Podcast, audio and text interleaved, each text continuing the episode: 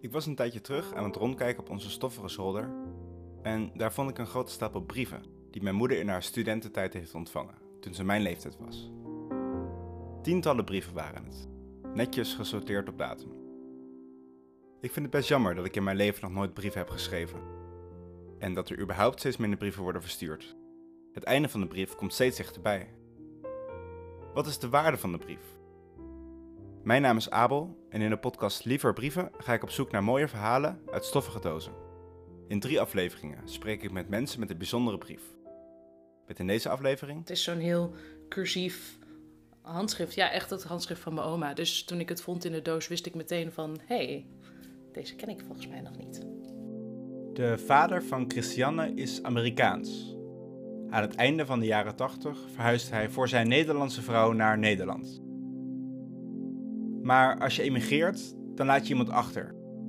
Zijn ouders vonden het best wel lastig dat hij moest verhuizen naar dat kleine landje aan de andere kant van de oceaan.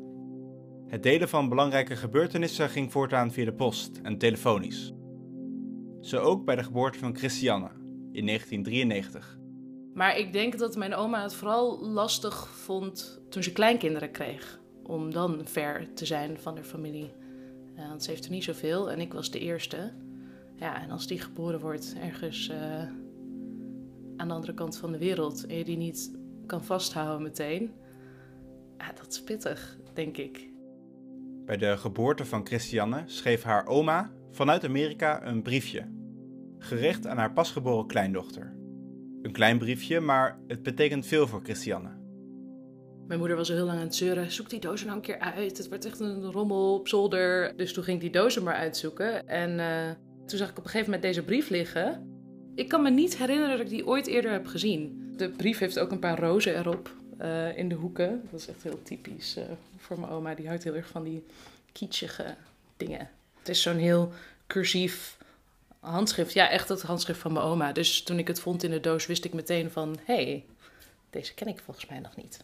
Withville, Virginia. May 10th, 1993. Dearest Christiana... How are you adapting to your new world? You are a precious little girl, and I can hardly wait to hold you in my arms. Granddad and I are sending you this little something, just to let you know we think of you more than often. You be a good daughter and help your mom and dad as much as you can. As you know, they have their arms full. Don't spoil them too much. We all thank the Lord for the gift of your life. Lots of love from all of us. Grandma Alvarado.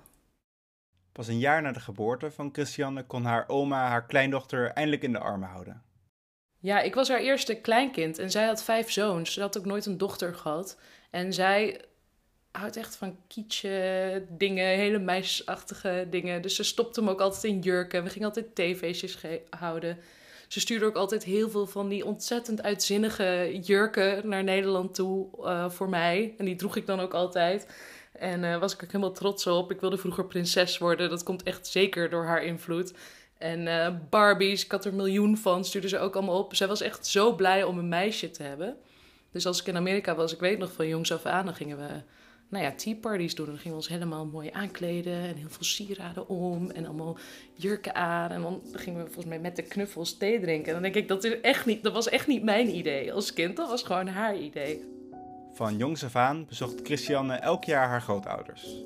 En het was geen kort bezoek. Drie tot vier weken bij hun in huis, samen eten, kletsen. Ze leefden erg dicht op elkaar. Dat zorgde voor een innige band, hoewel ze elkaar verder niet zoveel zagen. Als ik daar ben, dan leef ik gewoon mee met het ritme van mijn opa. S ochtends vroeg gaan we sporten. Dan gaan we lunchen en een biertje drinken. Dan gaan we dutje doen. Dan gaan we margaritas maken en koken. En dan gaan we wijn drinken tijdens het eten. Niet dat het allemaal om alcohol draait, maar gewoon, het is allemaal heel gezellig. En dan gaan we een beetje een filmpje kijken of zo. En gewoon chillen. En ondertussen zijn we aan het, aan het kletsen over van alles. Haar grootouders komen oorspronkelijk uit Puerto Rico.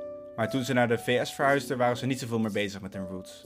Ze wilden echte Amerikanen zijn. Ook hun kinderen zijn volledig Engelstalig opgevoed. Christian heeft zich juist gespecialiseerd in Puerto Rico en het Caribisch gebied. Dus ik heb dat allemaal. En nu pas vinden mijn opa en oma denken echt... Wow, wat leuk. Je kan Spaans. Oh, en oh, salsa dansen kun je ook. Nou niet goed, maar in ieder geval een beetje. Dus dan gaan we dat doen. En al die muziek luisteren. Dan zit mijn vader en opa zo van... Oh, deze muziek ken ik nog van vroeger. Hoe ken jij dit? Dan zit ik Spotify. Dat is een ding. En dat is wel heel erg leuk. Om dus daarmee het contact met hen terug te vinden. Oh ja, dit begon mijn oma pas tegen me te zingen. Want mijn opa en ik die zijn dus altijd een beetje aan het zuipen. En dit liedje heet Borracho Novale. Wat betekent uh, een dronkaard is niks waard. Daar heb je helemaal niks aan, aan een dronkaard. Ja, als je het aanzet, wordt mijn opa echt helemaal wild. Ik vind het echt fantastisch. Het gaat over Tom en Jerry. Het gaat over een kat en een muis. En ik weet niet precies hoe, maar op een gegeven moment hebben ze het over dronkaards.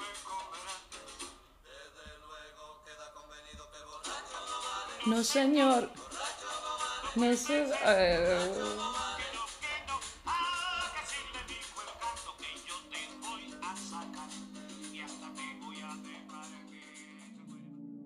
En toen kwam het coronavirus.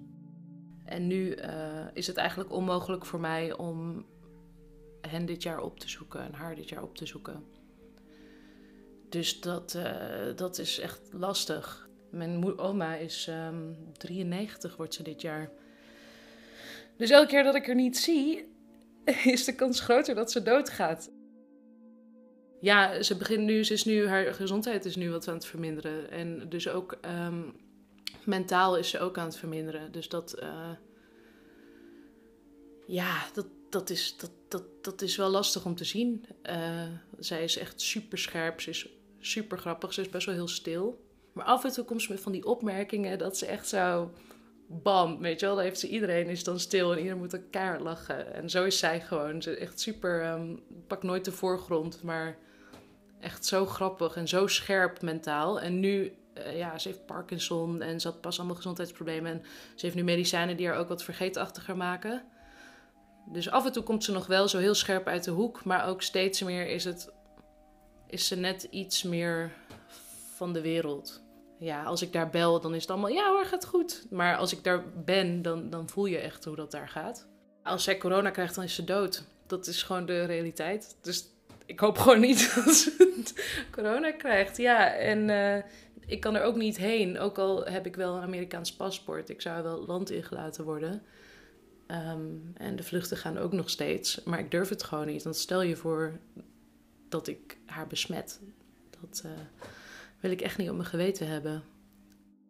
Christiane vond deze brief toen het coronavirus net om zich heen greep in de wereld. Een wereld in lockdown, waarbij elkaar vasthouden en zeker kwetsbare ouderen niet mogelijk was. Dat echoot met het kleine briefje dat haar oma stuurde bij haar geboorte. Zij schrijft over uh, We would love to hold you in our arms. Het kon niet. Die brief is uh, een maand geschreven nadat ik geboren ben. En uh, volgens mij ben ik voor het eerst pas daarheen gegaan. Of hebben we elkaar voor het eerst pas gezien toen ik één was. Nou, kun je nagaan. En toen was er geen FaceTime of wat dan ook. Dus dat waren brieven of bellen. Maar uh, zeker voor iemand zoals zij, die het zo. Haar, het gezinsleven is voor haar zo belangrijk. Zij heeft zo. Dat was haar. Dat was heel belangrijk voor haar. Ze was altijd uh, moeder thuis. Nou, de kinderen vliegen uit, krijgen kleinkinderen. En dan de eerste die je krijgt, die kun je gewoon niet zien. Ja, dat, dat vind ik wel hartverscheurend eigenlijk. En dus is het wachten tot het minder wordt. En dan ga ik als een malle uh, een vlucht boeken. Want ik kan echt niet wachten. Het is ook een beetje een gat in mijn leven nu. Normaal gesproken weet ik gewoon één keer in het jaar, juli of augustus, ga ik daarheen. Dan zit ik daar een maand. En het is een beetje saai, want je zit een maand bij je opa en oma, terwijl de rest van de wereld lekker op de Canarische eilanden aan het dansen is. Uh, maar ik zou het niet willen ruilen. En ik ben heel erg op mijn plek hier in Amsterdam. Maar ik zou willen dat er een soort teleportmachine was. Want al die mensen waar ik van hou en dat ik ze niet zo makkelijk op kan zoeken. En dat fucking corona er een stokje voor kan steken. Dat ik gewoon daar langs kan. Om me daar een maand lang stierlijk te vervelen in het huis van mijn grootouders. Dat, daar baal ik wel heel erg van. Het zal net zijn die zomer dat ik er niet langs ga.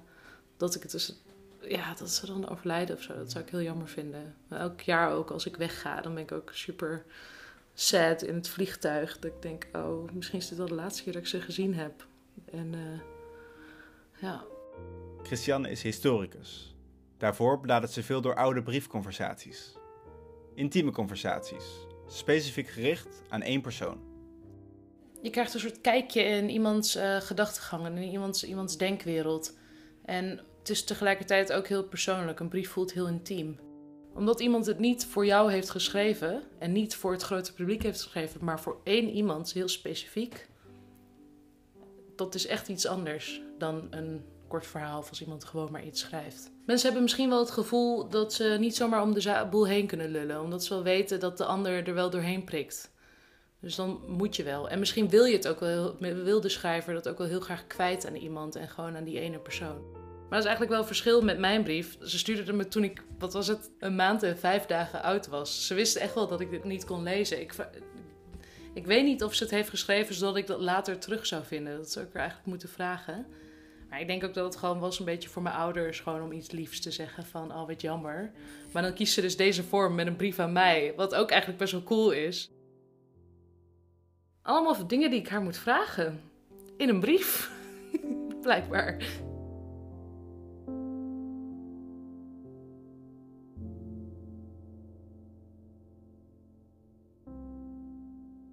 Dit was de derde en voorlopig de laatste aflevering van Liever Brieven. Hij werd gemaakt door mij, Abel Vos. De illustratie is gemaakt door René Munneke. En heb jij nou een mooie brief waar je over durft te vertellen? Laat het me weten via een digitale brief. Post abelvos.nl